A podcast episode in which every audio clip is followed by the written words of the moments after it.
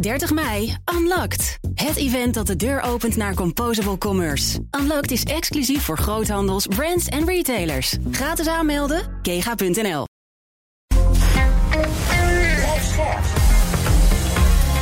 BNR Nieuwsradio. The Big Five. Diana Matroos.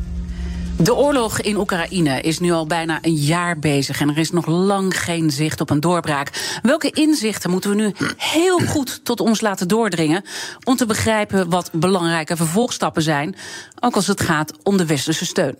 In BNR's Big Five van de oorlog in 2023 praat ik daarover met vijf kopstukken, alle vanuit een totaal ander eh, perspectief. En vandaag weer een mooie uh, gast. Uh, we zijn heel blij dat hij weer terug is bij dit programma. Niemand minder dan Jaap de Hoop Scheffer, voormalig secretaris generaal van de NAVO, oud-minister van Buitenlandse Zaken en uiteraard minister van Staat. Van harte welkom weer. Dank u wel. Fijn dat u terug bent. Um, natuurlijk gaan we het zo meteen hebben over de actuele situatie uh, aan het front. Maar voordat ik dat uh, ga doen, wil ik uh, twee dingen aan u vragen. En het eerste is: wat is nou uw allergrootste zorg gegeven de huidige situatie? Dat uh, de oorlog op het Europese continent, uh, die wij niet voor mogelijk hielden, decennia lang, jarenlang, uh, dat die steeds ernstiger en uitgebreider zal worden. En daarom moeten we er ook alles aan doen om dat te voorkomen. En wat is het worst case scenario waar u dan over denkt? Nou, een, een, worst case scenario zou zijn uh, indien Vladimir Poetin, uh, die zichzelf natuurlijk redelijk in een hoek heeft geschilderd in politieke zin, zijn oog zou laten vallen op meer dan Oekraïne en, en zou proberen de NAVO-bondgenootschap direct te betrekken bij deze oorlog. Een heel belangrijk, cruciaal punt. En daar gaan we helemaal de diepte over in. Want uh, daar zijn de nodige zorgen over. Ook van Rob de Wijk, die gisteren sprak. Het tweede, ook altijd een persoonlijke uh, vraag. Uh, want dit heeft natuurlijk allemaal impact op ons allemaal. Wat, wat doet het met u al die maanden oorlog persoonlijk? Nou, laat, laat ik dan ook iets persoonlijks noemen.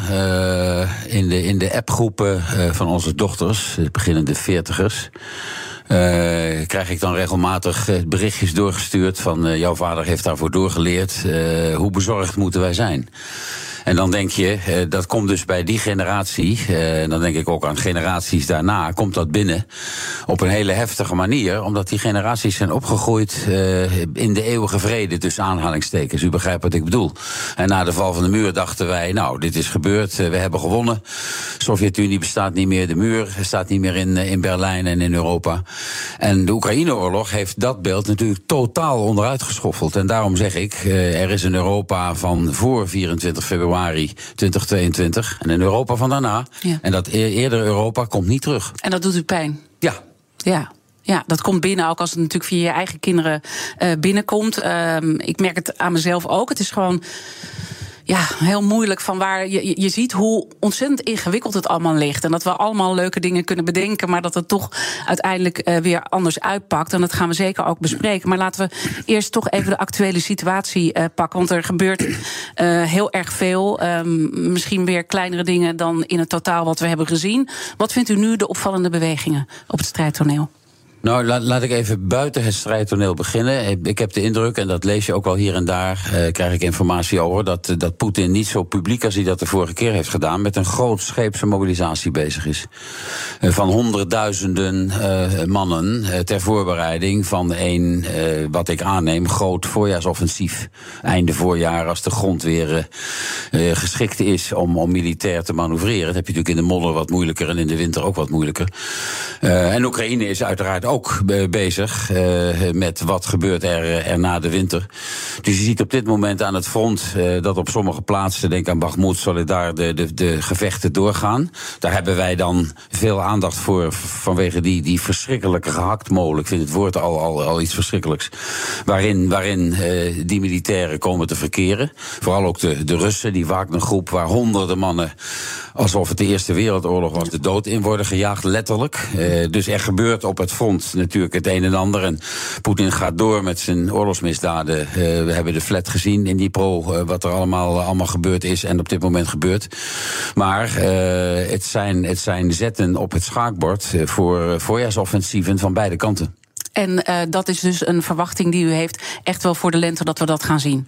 Ja, ik, ik ga daar wel van uit. Uh, ik gebruikte net uh, de, de, opmerking en de formulering: Poetin heeft zichzelf in de hoek geschilderd.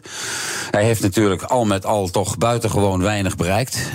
En en ik probeer altijd mijn studenten uit te leggen over de persoon Poetin. Het is, het is niet zijn ambitie om zijn rijk terug te willen brengen, terug, terug te krijgen. Hè, het Zarenrijk, het Sovjetrijk. Het is een obsessie. Mm -hmm. Hij is geobsedeerd daardoor. Nou ja, nu heeft hem ook een aantal keer persoonlijk daarover ja. gesproken. Dus, ja. en, en dat, dat is een obsessie. En, en, en uh, ik wil niet pretenderen dat ik, uh, dat ik uh, de Russische leider ken. maar als je zo'n obsessie hebt, dan hou je niet op bij waar die nu mee bezig is. Mm -hmm. Dat is voor ons ook een belangrijke boodschap in het Westen. En met alle gesprekken die u met hem heeft gehad, en ze zijn al, natuurlijk al iets langer geleden, maar is er nog een gesprek dat u het meeste bijstaat waarvan u zegt: ja, die obsessie die, die is er en hij gaat absoluut door? Ja, ik ga dan even terug, wel, wel lang terug, maar naar 2008, de NAVO-top in Boekarest, waar Oekraïne het NAVO-lidmaatschap werd aangeboden. Zij het zonder tijdshorizon. Uh, en en uh, het gesprek wat ik met hem had, uh, de dag daarop, de dag dat de NAVO dat communiqué had uitgegeven, maakte hij mij in niet mis te verstaande bewoordingen duidelijk dat dat totaal onacceptabel was en dat er gevolgen zouden zijn. Nou, die hebben we gezien. 2008 viel hij Georgië binnen, augustus van datzelfde jaar. 2014 de Krim en nu deze verschrikkelijke oorlog tegen agressieoorlog tegen Oekraïne. Want in die zin is de oorlog natuurlijk al veel langer bezig. Hè? Oh ja. Dat uh, sprak ik eerder over deze week met Victoria Koblenko, die ja, ook wel een bepaalde frustratie heeft. We hebben het steeds over, nou ja, de, de oorlog is elf maanden bezig, maar die is natuurlijk al veel langer bezig. En hij is heel coherent in hoe hij de zaken eigenlijk ook aanpakt. Hè? Ik bedoel, hij wordt vaak als een gek versleten, oh maar nee, hij is oh nee. heel, uh, uh, heel coherent in wat hij. Wat hij hij is gezegd. rationeel, hij is coherent, ra rationeel. Het is dus geen ongeleid projectiel. Hij weet precies wat hij wil. Ja. Alleen hij heeft tot nu toe helemaal niet gekregen wat hij wil. Godzijdank zeg ik daarbij. Uh, maar als je het lijden van de Oekraïnse bevolking ziet, uh, dan moet je je wel steeds realiseren. We hadden het over beelden die op onze netvliezen staan. Wat, wat een, wat een ongelooflijk uh, mm-hmm. zware periode die Oekraïnse bevolking doormaakt. Dat is natuurlijk verschrikkelijk. Denk, denk even aan die schaal met die appels in, dat, in, dat, in dat in elkaar geschoten flatgebouw. Dat, dat zijn beelden die beklijven. Ja. Dat, is, dat is oorlog. En dat moeten we ook blijven benoemen, want, want soms zijn we zo nou ja, functioneel over de oorlog aan het spreken. Maar hier zitten ook altijd mensen achter. En dat komt gewoon, uh, ja, dat, dat moeten we ons steeds uh, van bewust zijn. Uh, als we dan kijken naar hoe hij ongeveer. Te werk zal gaan, zover we dat natuurlijk kunnen zeggen. Die mobilisatie, daar zal hij op inzetten. Dat lenteoffensief uh, zal komen. Daar past ook, neem ik aan, die wissel in, in de top van het leger binnen. Ja, dat is, maar dat is altijd heel, moeilijk. Kremlin-watchen is altijd moeilijk geweest in de Koude Oorlog toen mm -hmm. ik opgroeide en, en begon aan mijn loopbaan. En dat is het, dat is het nu nog. Uh, maar ik, heb, ik kan mij niet aan de indruk onttrekken, laat ik het zo formuleren. Uh, dat, dat die Wagnergroep, we hadden het net over Bagmoed, uh, dat die Wagnergroep daar weer laten zien, wij kunnen het wel. En die generaals zijn in feite niet competent genoeg om te doen wat, wat president Poetin wil. Poetin heeft, denk ik, denk ik, ik speculeer hoor, met de benoeming van Gerasimov. Als, als de man, de, de hoogste man, dat was, dat was hij al, die dan de hele zaak moet, moet aansturen. Ook zijn, zijn Wagner-vrienden willen, willen duidelijk maken: luister eens, ik behoud uh, mijn vertrouwen in, in de militaire top. dus er, er zal daar binnen kamers ongetwijfeld, zoals overal, gebeurt in ieder land. Uh, ook, ook in de Verenigde Staten en ook elders, maar daar in, in, in vredestijd. Competitie is uh, tussen bepaalde delen van de krijgsmacht. En in dit geval dus uh, tussen die verschrikkelijke Wagnergroep en, en, en de, de reguliere, het reguliere militaire leiderschap in Moskou. Maar we moeten daar ook niet al te veel van Nee. maken. Want er wordt wel eens gezegd: Nee. oh, dat is het voordeel van Oekraïne. Ze zijn aan het rommelen Nee. en het is onrustig. Zo, zolang die mobilisatie doorgaat en zolang het respect voor een mensenleven eh, bij Poetin eh, en zijn makkers en trawanten eh, niet bestaat, eh, is, is, dat geen, is dat geen serieus argument. Ja. Gaat die mobilisatie lastiger worden voor hem? Als hij, eh, ik, ik weet dat niet, maar als hij gaat mobiliseren en daar eh, ook jonge mannen aanschrijft eh, of oproept die in de grote steden wonen, Sint-Petersburg, Moskou, dan kom je natuurlijk aan de, aan de kinderen van, van mensen van invloed. Dat is natuurlijk veel moeilijker dan de militairen uit de gevangenissen halen en uit het verre landelijke gebied. Dat, heeft, dat is met name gebeurd in de eerste ronde van mobilisatie, was ook natuurlijk al groot. Maar hij zal, als hij dit soort aantallen die dan hoort en leest, zou willen oproepen voor militaire dienst, ja, dan komt die ongetwijfeld ook in de grotere steden terecht. En daar zou je dan een, een, een beweging kunnen meemaken die tot kritiek leidt. Ja, dan kijk, daar is een mooie jingle. Diana Matroos. Mijn gast is Jaap de Hoop Scheffer, voormalig NAVO-baas. En uh, we staan hier in Studio Den Haag. En uh, nou ja, voor de mensen die niet precies weten hoe radio maakt... dan moet je dus aangeven dat er een jingle komt. En die komt helemaal vanuit Amsterdam. En dan zijn we met elkaar aan het zijnen via camera's. Altijd wel leuk om uh, dat eventjes te weten. Dus vandaar even de vertraging. Um, uh, het is nog wat wat er aan zit te komen. Een lenteoffensief. Wat, wat, moet ik me daar dan precies bij voorstellen? Waar moeten we rekening mee houden in de lente? Nou, Zover dat, we dat kunnen zien. Dat, dat, dat uh, Oekraïne zal proberen en terecht uh, gebied terug te winnen wat, wat ze hebben verloren. En, Rus en, Rusland in feite precies hetzelfde. Die, die zijn natuurlijk niet of nauwelijks geslaagd. Nee, ik wou zeggen, niet geslaagd in de oorlogsdoelen die Poetin zich gesteld had. Vergeet niet dat toen hij 24 februari begon, de indruk bestond: ik, ik, ik rol dat land wel in een paar dagen op. En ze staan met rozen langs de weg om mij te verwelkomen. Mm -hmm. Nou, bij Kiev werden ze eerst teruggeslagen. Maar goed, er wordt nu weer geoefend uh, in Belarus, in de, in de, op relatief korte afstand van, van, van Kiev. Dus het is natuurlijk helemaal niet uitgesloten dat hij ook daar weer zal proberen vanuit Belarus uh, Kiev, uh, Kiev aan te vallen. Uh, nou, Donbass zal, ook, zal ook voort en verder gaan. de Oekraïners zullen, kosten wat kost, willen voorkomen dat daar verder wordt opgerukt door, de, door de Russen. Dus je kunt je een aantal fronten voorstellen waar het, het gevecht in alle hevigheid zal oplaaien. En nieuwe fronten zullen worden gevormd. En daarin is natuurlijk ook heel erg belangrijk dat er nu over wapenleveranties wordt gesproken. En het leveren van uh, zware tanks. De Verenigde Staten, Frankrijk, Duitsland, Polen en Groot-Brittannië uh, willen dat. Die willen dat leveren aan, uh, aan Oekraïne. En er is morgen ook een heel belangrijk overleg daarover in Ramstein, in Duitsland. Wat, wat verwacht u van het overleg? Nou, ik verwacht van het overleg waar Lloyd Austin, de Amerikaanse Secretary of Defense, aanwezig zal zijn. En, en vele collega's van hem, een uh, hele grote groep, op die Amerikaanse basis Ramstein in, in Duitsland. Ik verwacht dat daar knopen worden doorgehakt over wat op dit moment het belangrijkste punt van discussie is. Dat zijn de gevechtstanks, dus echte zware tanks. We hebben al gezien dat er, dat er uh, infanterie gevechtsvoertuigen zijn geleverd. Hè, onder andere de Britten, Amerikanen, ook de Duitsers, Marder. maar maar nu uh, wensen wij een stap verder te gaan. Wensen een aantal landen een stap verder te gaan. Door in combinatie met die uh, infanterie-gevechtsvoertuigen. ook het belangrijkste wapen, namelijk de zware gevechtstank. in te zetten. wat een, wat een groot verschil kan maken in de vuurkracht, uiteraard. van, van de Oekraïnse strijdkrachten. Nou, politiek ligt dat met name in Duitsland uitzonderlijk gevoelig. Ja. Duitsland is de producent van die tanks. Maffei maakt die eh, tanks. En bij alle leveranties van Duitsland aan derde landen, dat zijn er nogal een aantal, uh, is, is het beding opgenomen dat als zo'n tank door het land wat die tank ontvangt van Duitsland weer verder wordt geëxporteerd naar een ander land, dan moet Duitsland daar toestemming voor geven. Dat is dus horde 1. en horde 2 is een, is een grotere horde, wat als een politieke horde dat is dat uh, als, als ik, als ik uh, laten we zeggen, de informatie goed volg. ik heb uiteraard ook alleen maar publieke bronnen tot mijn beschikking. Mm -hmm. de Duitse bondskanselier, met name de, de Duitse bondskanselier Scholz. niet zozeer de minister van Buitenlandse Zaken, Beerbok of Habeck, de vicepremier Economische Zaken. Daar toch nog steeds grote bezwaren tegen heeft. Mijn taxatie is dat de druk morgen in Ramstein zo groot zal worden.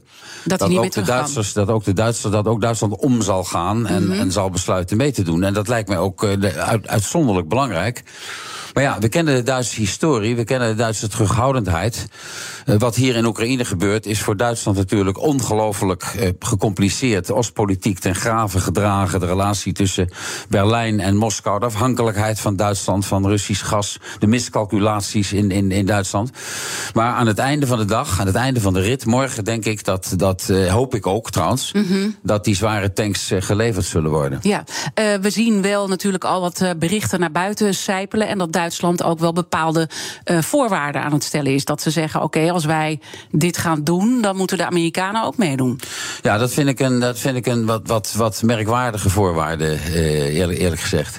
Waarom? Uh, nou, omdat ik zou vinden dat een, een Duitse Europese beslissing van een aantal landen die die Leopard tanks, gaat dan om de Leopard 2 tank, die gebruiken, dat die niet aan de voorwaarden moet worden verbonden dat het land wat al verreweg de grootste bijdrage levert aan, aan de oorlog in Oekraïne, dan eerst ook iets moet doen. Dat vind ik politiek, politiek slap, om het, om het zo te zeggen. Dus ik vind dat een foute voorwaarde. Uh, en daar komt bij, uh, en daar heeft Rob de Wijk denk ik gelijk, die gisteren bij u in de uitzending was, dat, dat president Biden, uh, zoals wij allemaal, maar ook met name president Biden als, als leider van, van het belangrijkste NAVO-land, onze belangrijkste bondgenoot, ja, zich twee, drie, vier keer afvraagt, moet, moet ik ook verder als Verenigde Staten verder escaleren door mijn Abrams tanks te, gaan, te gaan leveren aan, aan, aan Oekraïne? kunnen de Europeanen Europeanen nu niet een keer zelf die verantwoordelijkheid nemen. En ik vind dat Biden daar gelijk in heeft. Ik zou me kunnen voorstellen overigens dat de Amerikanen die tanks leveren. Maar we dus hebben continu hebben toch samen opgetrokken uh, in dit uh, verhaal. En uh, dat is ook wat de Duitsers zeggen. Laten we nu ook weer in eenheid met elkaar optreden. En laten we geen verdeeldheid krijgen onderling. En daar speelt natuurlijk ook onder dat we een heleboel dingen helemaal niet alleen kunnen.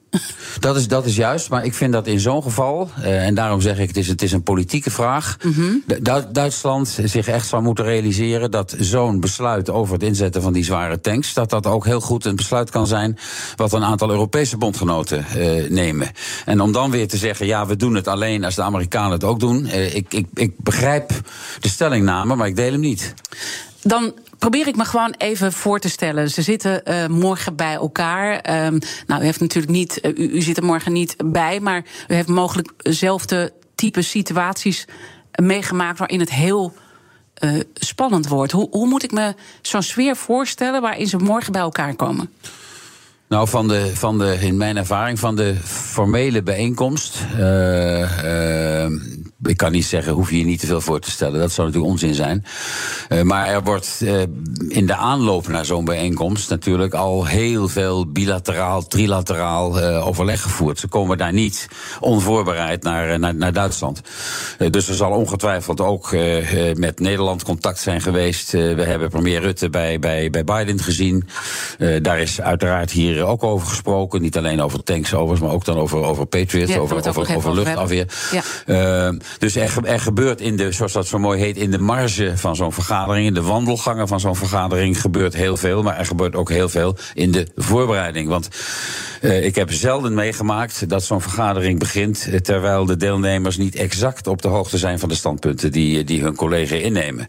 Dus eigenlijk is gewoon al duidelijk wat het gaat worden? Ja, of is het toch nou nog ja, stel, stel nou even het, het scenario dat, dat, dat Duitsland. Uh, tot de vergadering blijft zeggen: uh, ja, wij doen het echt niet. Dan informeren ze daar de Amerikanen over.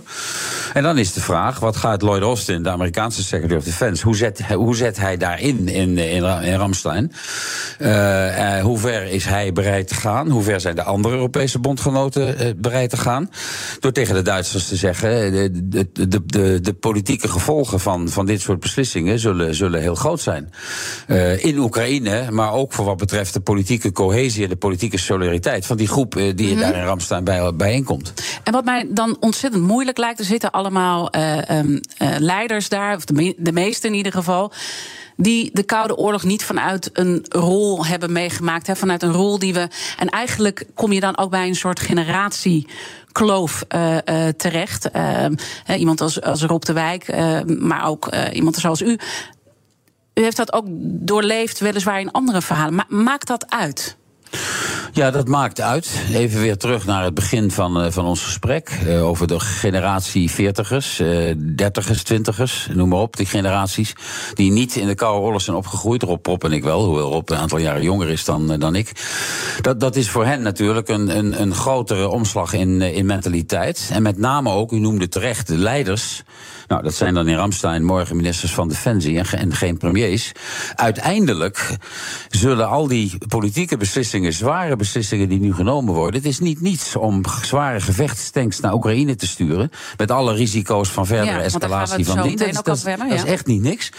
Eh, en dat moet dus wel eh, blijvend gedragen worden door eh, de bevolking.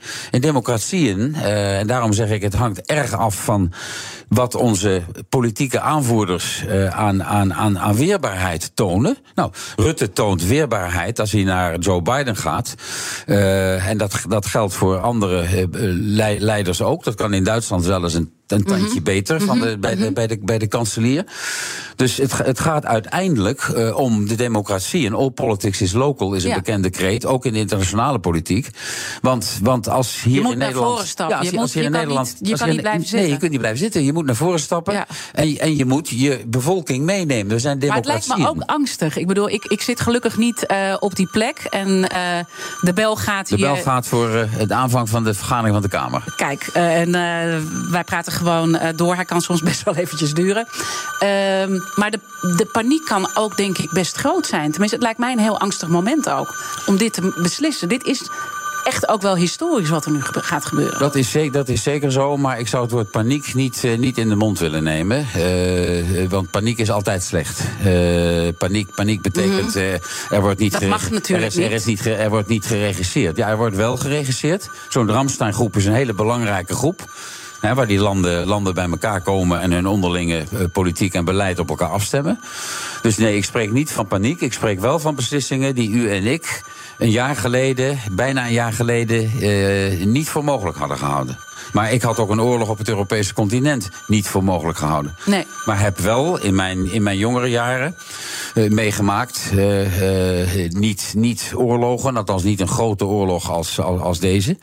Maar ik ben toch in een andere tijd opgevoed en opgegroeid Mhm. dan mijn kinderen, laat staan mijn kleinkinderen. En, en wat is er dan moeilijker voor ze in die hele beslisprocedure? Dat niet wetende als het gaat om ook bepaalde kennis die je wel moet hebben om een goed besluit te nemen. Nou, die hebben ze wel. We hebben in Nederland een, een, een, een zeer goed ambtelijk apparaat. We hebben uiterst competente militairen aan de top van, de, van de krijgsmacht. Dus Wordt in andere dossiers wel eens anders over gesproken. overigens. Ja, ik, ma- Nou, ik, ma- ik maak mij maar op, voor de op dit- defensie maakt u zich geen zorgen. Ja, ja, nou, ik maakte me over Defensie altijd grote zorgen. Niet over de mensen die met garen en band die krijgsmacht aan elkaar moesten knopen. Maar wel over, over eh, het, het, het feit dat wij decennia lang eh, niks hebben betaald voor Defensie. En nu met de gevolgen worden geconfronteerd. Eh, daar maak ik me zorgen over. Maar niet over de competentie eh, van eh, onze topmilitairen en de topambtenaren. die de bewindslieden moeten begeleiden. bij dit soort inderdaad vrij historische beslissingen. Mijn gast vandaag is Jaap de Hoop Scheffer, voormalig NAVO-baas, minister van Staat. En in het tweede half uur eh, dan gaan we uiteraard bespreken wat voor implicaties dit kan hebben. En of eh, Jaap de Hoop Scheffer zich daar zorgen over maakt. Blijf luisteren. 30 mei, Unlocked. Het event dat de deur opent naar Composable Commerce. Unlocked is exclusief voor groothandels, brands en retailers. Gratis aanmelden, kega.nl. Op 6 juni mogen we naar de stembus voor de Europese verkiezingen. Hete hangijzers genoeg natuurlijk. Oorlog, klimaat, energie, concurrentie. Ondernemers willen vooral dat er nu eens wat harde knopen worden doorgehakt. En die regeldruk, die moet omlaag. Op 23 mei om 7 uur 's avonds op BNR gaan verschillende partijen met elkaar en ondernemers de ring in. Tijdens het BNR Ondernemersdebat. Het ondernemersdebat wordt mede mogelijk gemaakt door VNO-NCW en MKB Nederland.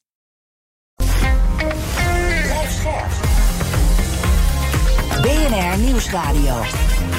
The Big Five. Diana Matroos.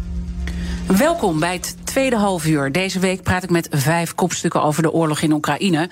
Gisteren sprak ik erover met Rob de Wijk, eh, hoogleraar internationale betrekkingen en oprichter van de Hague Center for Strategic Studies. Hij spreekt over een kantelpunt in deze oorlog waar we nu zijn aangekomen. En dat vraagt om moeilijke beslissingen. Luister het gesprek terug via onze BNR-app.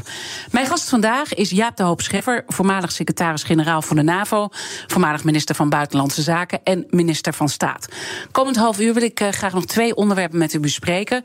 Namelijk hoe lang het Westen nog eensgezind zal blijven in het steunen van Oekraïne. En of we al eerste scheurtjes uh, zien ontstaan met de opmerkingen van Spanje. En of we door de huidige stappen tanks, zwaardere wapens niet te veel betrokken raken bij deze oorlog. En laten we met dat laatste punt beginnen en meteen ook maar de kettingvraag van Rob de Wijk erbij te pakken. Uh, want hij heeft daar zorgen over en Rob had deze vraag voor u.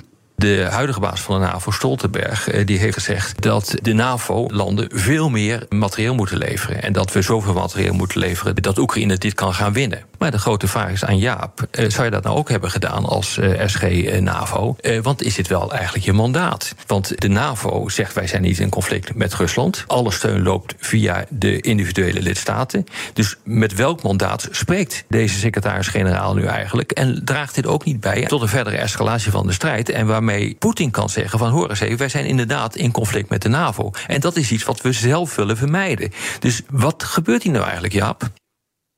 Het zijn een heleboel vragen. Laten we met de eerste twee uh, beginnen. Valt dit binnen het mandaat van de secretaris-generaal om deze opmerkingen te doen? Het was in het uh, Handelsblad, het Duitse Handelsblad, waar hij de eerste keer die opmerkingen uh, heeft gemaakt. En hij heeft het vaker gezegd. Hij kan, hij kan de lidstaten van de NAVO oproepen uh, om, en dat heeft hij gedaan, uh, om, uh, om meer te leveren, om hun inspanningen voor te zetten. Dat kan hij doen als secretaris-generaal van de NAVO. Dus ik ben het niet direct met Rob eens, Rob de Wijk eens, dat hij daarmee zijn mandaat overschrijdt. Mm -hmm. wat Rob wel terecht uiteraard benoemt, is dat de NAVO, en dus ook de secretaris-generaal van het begin af aan, uh, over een dun lijntje, over een dun touwtje uh, moeten lopen. Uh, aan de andere kant, nou ja, ik moet even mijn zin afmaken, over een dun touwtje moeten lopen. Om te voorkomen dat de NAVO als bondgenootschap in conflict met, met, met Rusland raakt. Als je naar Poetin kijkt en luistert met name, dan is hij begonnen met te zeggen Oekraïne. hij zegt naarmate de tijd verstrijkt steeds meer, het is in feite de NAVO die oorlog met mij voert. Dus ik zie wel, uh, laten we zeggen, het politieke risico wat Rob benoemt. Uh, maar Poetin zegt het al, dus zoveel verschil zal het niet maken. Maar ik denk, uh, ik eindig waar ik begon, dat een SG-NAVO zo'n uitspraak als Stoltenberg deed wel kan doen. Zou het zelf gedaan hebben? Want dat was de tweede vraag die hij eigenlijk stelde. Nou, dat weet ik niet. Het is een kwestie van, een kwestie van formuleren. Maar ik heb ook wel eens in mijn, in mijn mandaat, uh, een aantal jaar geleden, lidstaten opgeroepen om, om bepaalde zaken voor hun verantwoordelijkheid te nemen. Dus zo bijzonder is het niet. Uh, maar als je als je een haar in vieren snijdt, zoals de Fransen zeggen, als je dus, dus het, het, het heel, heel close bekijkt, dan, kun, dan kun je zeggen, er is een verschil tussen de NAVO en de lidstaten van de NAVO. En een SG moet niet de NAVO, maar de lidstaten oproepen. Ik heb zijn exacte formulering nu niet voor me, maar mm -hmm. ik vind het, ik vind het geen, geen zonde en zeker geen doodzonde. Het feit dat hij het doet met alle risico's van dien, want het, het, is dus wel een heel dun lijntje waar hij ook op moet bewegen. En u weet hoe dat is om op een dun lijntje te bewegen vanuit die, die rol. Het feit dat hij het wel doet, dat hij er toch openlijk toe oproept. Want je kan dit soort dingen ook achter de schermen natuurlijk roepen. Wat zegt dat u? Dat zegt uh, mij dat, dat hij, uh, Stoltenberg, en dat ook het, het bondgenootschap. De ontwikkeling van deze oorlog buitengewoon serieus neemt. En ook moet nemen. mag ik u even meenemen en de, en de luisteraars naar een paniekavond toen er delen van een Oekraïense afweerraket uh, een paar kilometer binnen de Poolse grens vielen. Ik heb nog nooit op één avond zoveel uh, mediaverzoeken, telefoontjes, appjes uh, gekregen. Want de NAVO zou betrokken kunnen worden, artikel 4, artikel 5. Dat is natuurlijk, laten we zeggen, een, een, een, zorg die op de achtergrond leeft. Dat je in zo'n situatie niet, niet terechtkomt. En er brak echt een, een, een korte tijd paniek uit. Tot later bleek, hoewel de Oekraïners dat zijn blijven ontkennen, dat het delen van een Oekraïense afweerraket waren. En niet delen van een Russische raket, -hmm. waarvan delen op, op Pools grondgebied waren geland. Dus ik geef maar aan, dat is onderdeel van dit. We hebben niet zoveel keus misschien. En, en, ook niet zo, en ook niet zoveel marge. Want we willen niet dat de NAVO als zodanig wordt geïnvolveerd. Uh, maar aan de andere kant, de NAVO-bondgenoten, want dat zijn er toch met name, leveren meer en steeds zwaardere wapens aan, aan Oekraïne. Feit is natuurlijk wel dat we steeds meer in deze oorlog worden gezogen.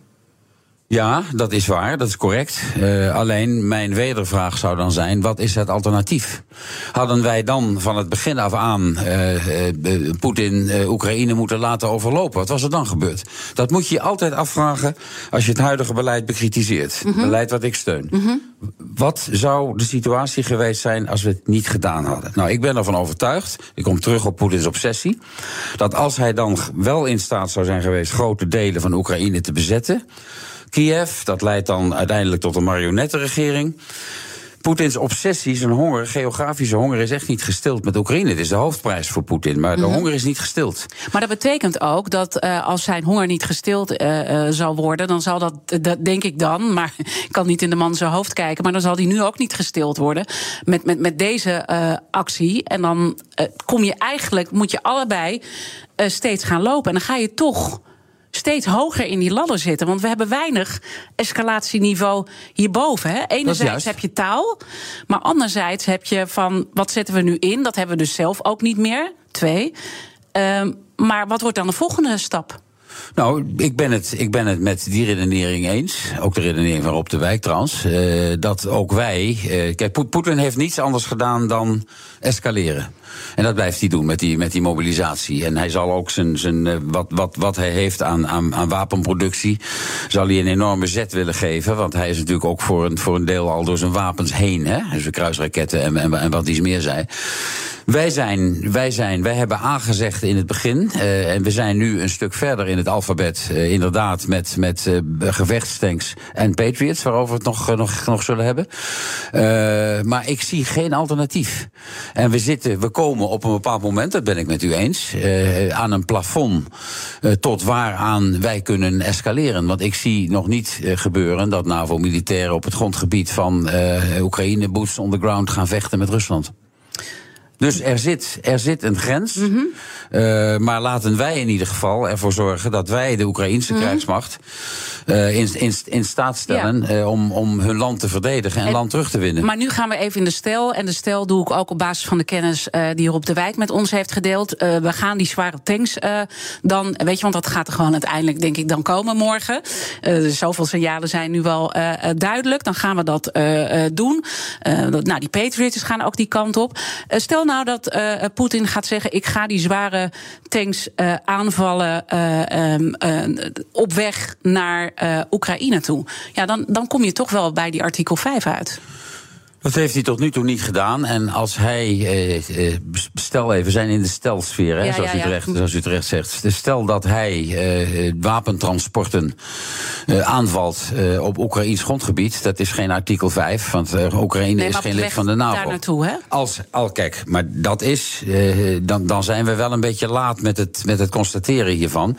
Want dat kan al, dat kan al zolang als de oorlog duurt. Mm -hmm. Dus dat is op zichzelf niks nieuws. Wat nieuw is, is dat onze bijdragen zwaarder worden qua bewapening. Maar daar zal Poetin wat komen, van vinden. Maar we komen, we komen niet in een artikel 5 situatie als Poetin.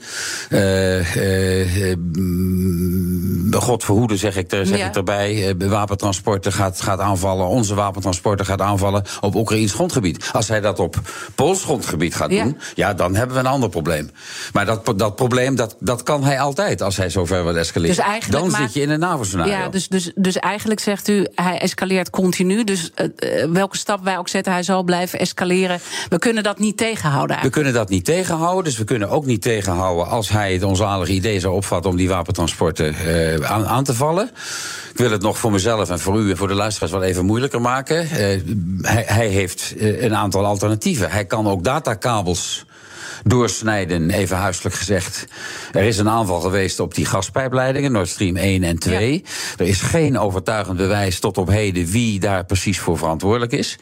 Uh, maar er, zijn dus, er is dus hele kwetsbare infrastructuur, ook, ook bij ons. Ja. Stelt u zich eens voor dat een land als Nederland of meerdere Europese landen 48 uur zonder data, zonder internet zou, zou moeten leven. Zijn, dat, ja. is, dat is je nauwelijks voor te stellen. We oefenen dat in Nederland ook veel te weinig, wat mij betreft.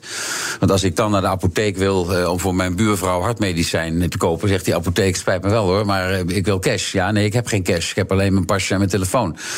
Kortom, er zijn terug te keren op het hoofdspoor. Er, er, er zijn voor, voor Poetin natuurlijk een aantal mogelijkheden om te escaleren. horen daar natuurlijk ook bij. Kernwapens horen daar ook bij. Hij heeft een aantal malen daarmee gedreigd. Dat hebben we in eerdere uitzendingen, u en ik, ook wel, ook wel besproken. Daar mogen wij ons uiteraard niet door laten afschrikken met de besluiten wat wij, wat wij besluiten. Poetins afschrikking mag in die zin niet werken. Ik acht de kans nog steeds zeer gering dat het daar toe zou komen. Maar het is niet uitgesloten. We moeten er dus theoretisch, theoretisch onderstreep ik rekening mee houden. Maar er is, er is in de escalatiesfeer uh, heel veel te doen voor Poetin, zeg ik wat cynisch. Uh, een punt wat nog van belang is, is Patriots. Die hebben we al een paar keer benoemd. Daar moeten we het ook over hebben. Biden heeft natuurlijk een gesprek gehad met Rutte. In de Oval Office. U bent daar ook trouwens ja. was geweest, hè? Ja. ja. Hoe is dat? Nou, altijd, altijd, altijd, heel bijzonder. Ja. Je hebt altijd die, die wat, wat flauwe uh, uh, mededeling in de pers... dat als, als een Nederlands premier de Oval Office binnengaat... zoals bij Rutte ook weer gebeurde... dan wordt, wordt Balkenende uitgelachen. ik liep achter, achter Balkenende. Als je daar voor de eerste keer komt, en daarom vind ik dat flauw... als je daar voor de eerste keer komt, dat is overweldigend. Je komt in het kantoor van wat nog altijd de machtigste man, eh, man ter wereld is. In het Witte Huis, in het Oval Office. Dus dat is de eerste keer bijzonder. Ik herinner me dat van mezelf nog heel goed. Ja. En Jan-Peter Balkenende ook. Ja. Uh, en gaan ze je dan geruststellen? Hoe gaat zoiets? Ja, nou, het was, in mijn geval was het, waren het Bush en, en, en Obama. En Bush was de, was de joyeuze Texaan die je dan op de schouder, eh, op de schouder sloeg. Op een gegeven moment was ik er op, op, op een bezoek met mijn echtgenote. Uh, en en die riep hij dus ook binnen. Je moet het, enfin, die, die was. Die was eh, wat, wat, wat, dat betreft uh, zeer open. Maar het, het, blijft bijzonder als je daar in die stoel zit. Rutte voor een hele warme, warme open haard, uh, zei, zei hij ook zelf. Dat is bijzonder. Ja, en dan kom je dus tot zo'n moment dat je zegt: Oké, we gaan uh, eigenlijk uh, meedoen hè, met, die, met die hele Patriot-actie. Ja. en vervolgens blijven sommige dingen ook wel vaag. En ik merk aan Rob de Wijk, die is dan best wel kritisch: van, Is dat nou goed doordacht wat we daar doen? Ja, ik, ik weet ook niet precies, net als u en net als Rob, wat daar nou precies is aangeboden. Want het woord spullen, wat de minister-president ja, gebruikte, ja, daar kun je van alles bij voorstellen. Ik hoorde Dirk Boswijk, het CDA-Kamerlid, gisteravond in op één uh, zeggen: Nou, we hebben, we hebben drie Patriot batterijen uh, en er is er één in de, in de reserve. Die staat stof te happen, zei Boswijk. Uh, dus of, of het zal komen tot die Patriot-installatie, of dat het zal komen tot alleen, alleen raketten. ik weet het niet, u, u weet het niet. dat valt onder de definitie van de minister-president spullen. Mm -hmm. maar de principebeslissing is kennelijk genomen in het kabinet dat wij mee gaan doen aan het, wat ik dan maar even gemakshalve noem, het project Patriot. Ja, is het verstandig? Als je, we hebben het net uitgebreid over escalatie gehad. Eh, als je uh, mee wilt in het verschaffen van wapensystemen die Oekraïne hard nodig heeft, dan is het een verstandig besluit. Daar zeg ik bij, daarom heb ik het met Rob de Wijk en met Dirk Boswijk over de vier batterijen installaties die, die we hebben. we moeten er wel voor zorgen, dat is een algemeen punt voor de NAVO. Nou ben ik wel bij de NAVO. Dat wij, en ik had het net over kritische infrastructuur. En Rob had het over de haven in Rotterdam, Vlissingen, et cetera. Mhm, mhm. Dat wij wel in staat moeten blijven eh, ons eigen grondgebied te verdedigen. indien dat noodzakelijk is. En dat is, dat is dus iedereen van zeggen. Ja, zeg Peter voor Rotterdam. Nou, dat, dat is helemaal geen mm dwaze gedachte. in een, in een potentieel verder escalerend scenario. Alleen, waar ik het niet met Rob eens ben. Uh, is, is dat, je, dat je zegt. Ja, luister eens. We, we, moeten naar alternatieven zoeken die er wat mij betreft dus niet zijn. We gaan zo meteen verder praten, maar eerst. 30 mei, Unlocked. Het event dat de deur opent naar Composable Commerce. Unlocked is exclusief voor groothandels, brands en retailers. Gratis aanmelden, kega.nl.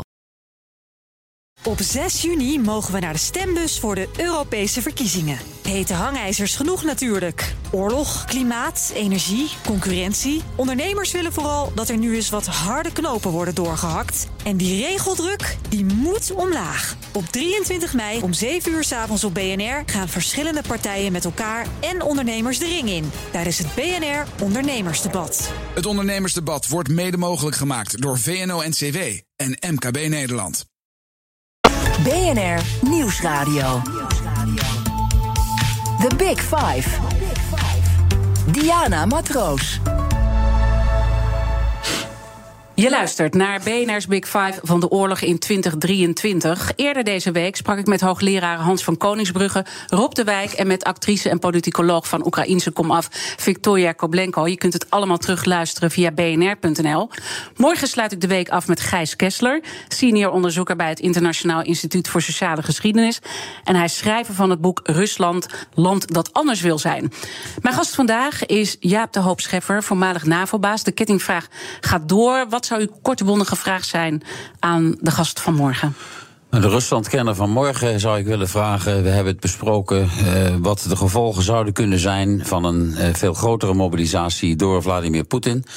Uh, en of dat ook binnen Rusland en binnen een kleinere kring zou kunnen leiden tot protest. Heel boeiende vraag, want aan die kant kan misschien toch ook wel een scheurtje ontstaan. Maar laten we het ook over de scheurtjes mogelijk hebben in het Westen. Want je ziet eigenlijk uh, verschillende scholen. Uh, Kissinger roept al heel lang op om naar de onderhandelingstafel te gaan. En ik zie u nu helemaal recht overeind uh, komen. Ja. Van um, hier vind ik wat van. We zien nu Spanje ook twijfelen openlijk. Over de situatie in Ramstein, die morgen gaat plaatsvinden. Moeten we dat wel doen? Bij monden van de leider van Spanje. Beginnen de eerste scheurtjes toch te ontstaan?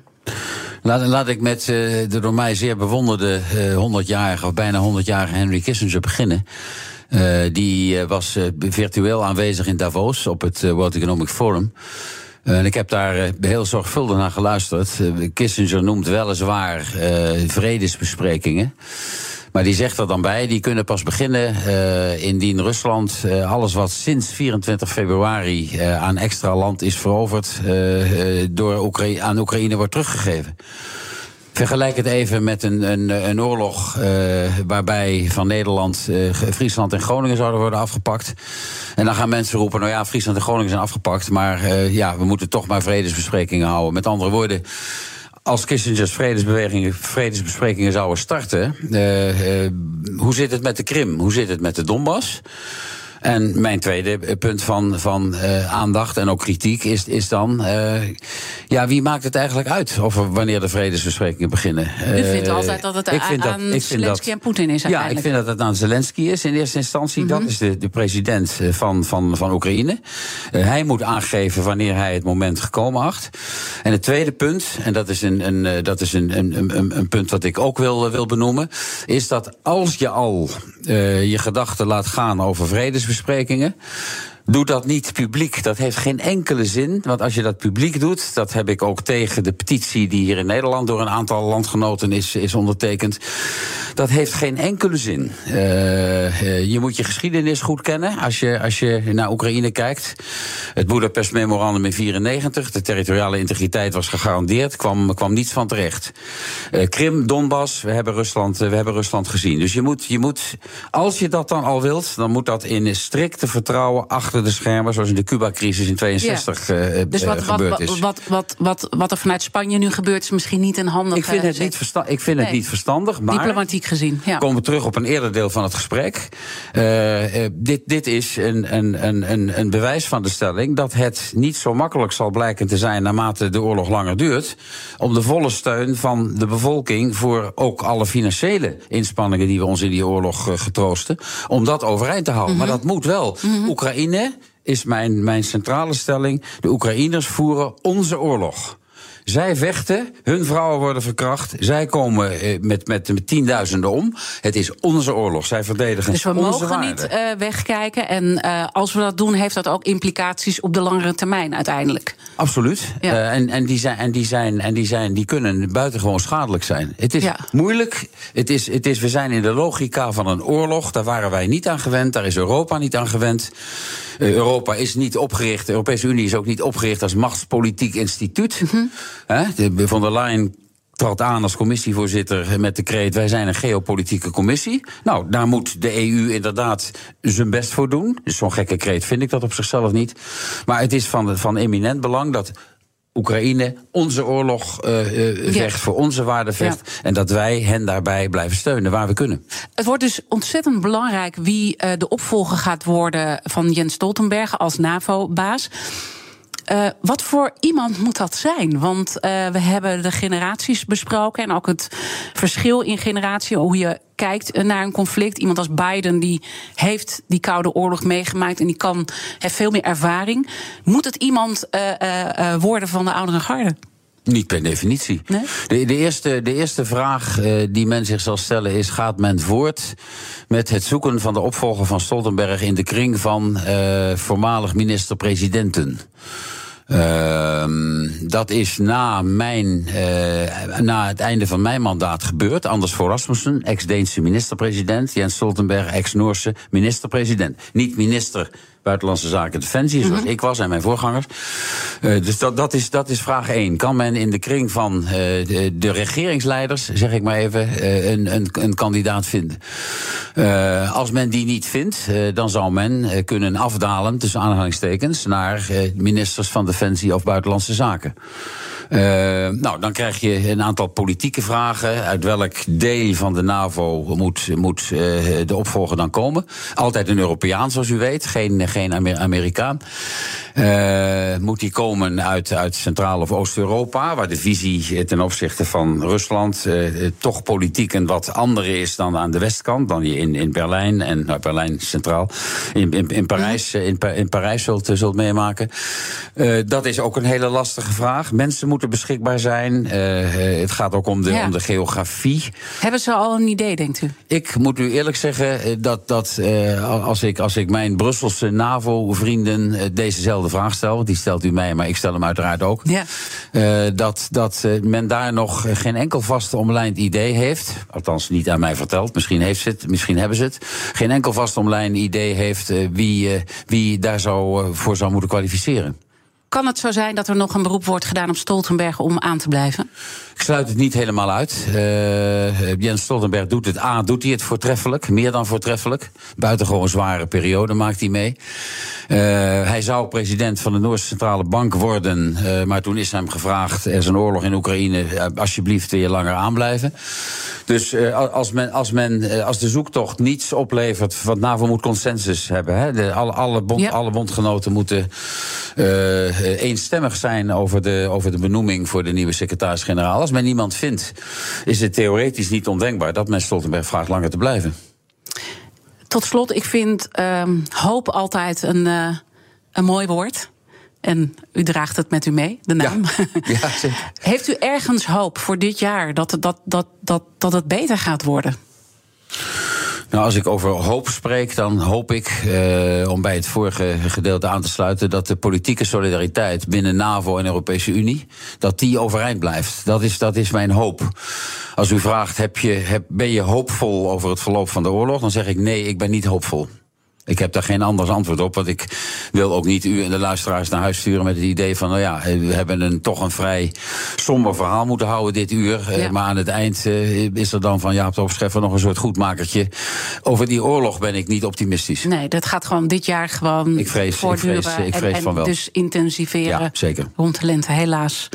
Um, ik vond het ontzettend fijn. Wij vonden het ontzettend fijn dat u er weer was uh, bij de Big Five. En laten we uh, weer in de toekomst verder praten. Graag. Uh, Natuurlijk zijn alle afleveringen zoals altijd terug te luisteren. Ga gewoon naar de podcast, dan vind je het allemaal uh, terug. Maar het allerbelangrijkste, ik zeg het altijd... blijf live, zometeen Iman Verrips met BNR breekt. Ik wens je een mooie dag.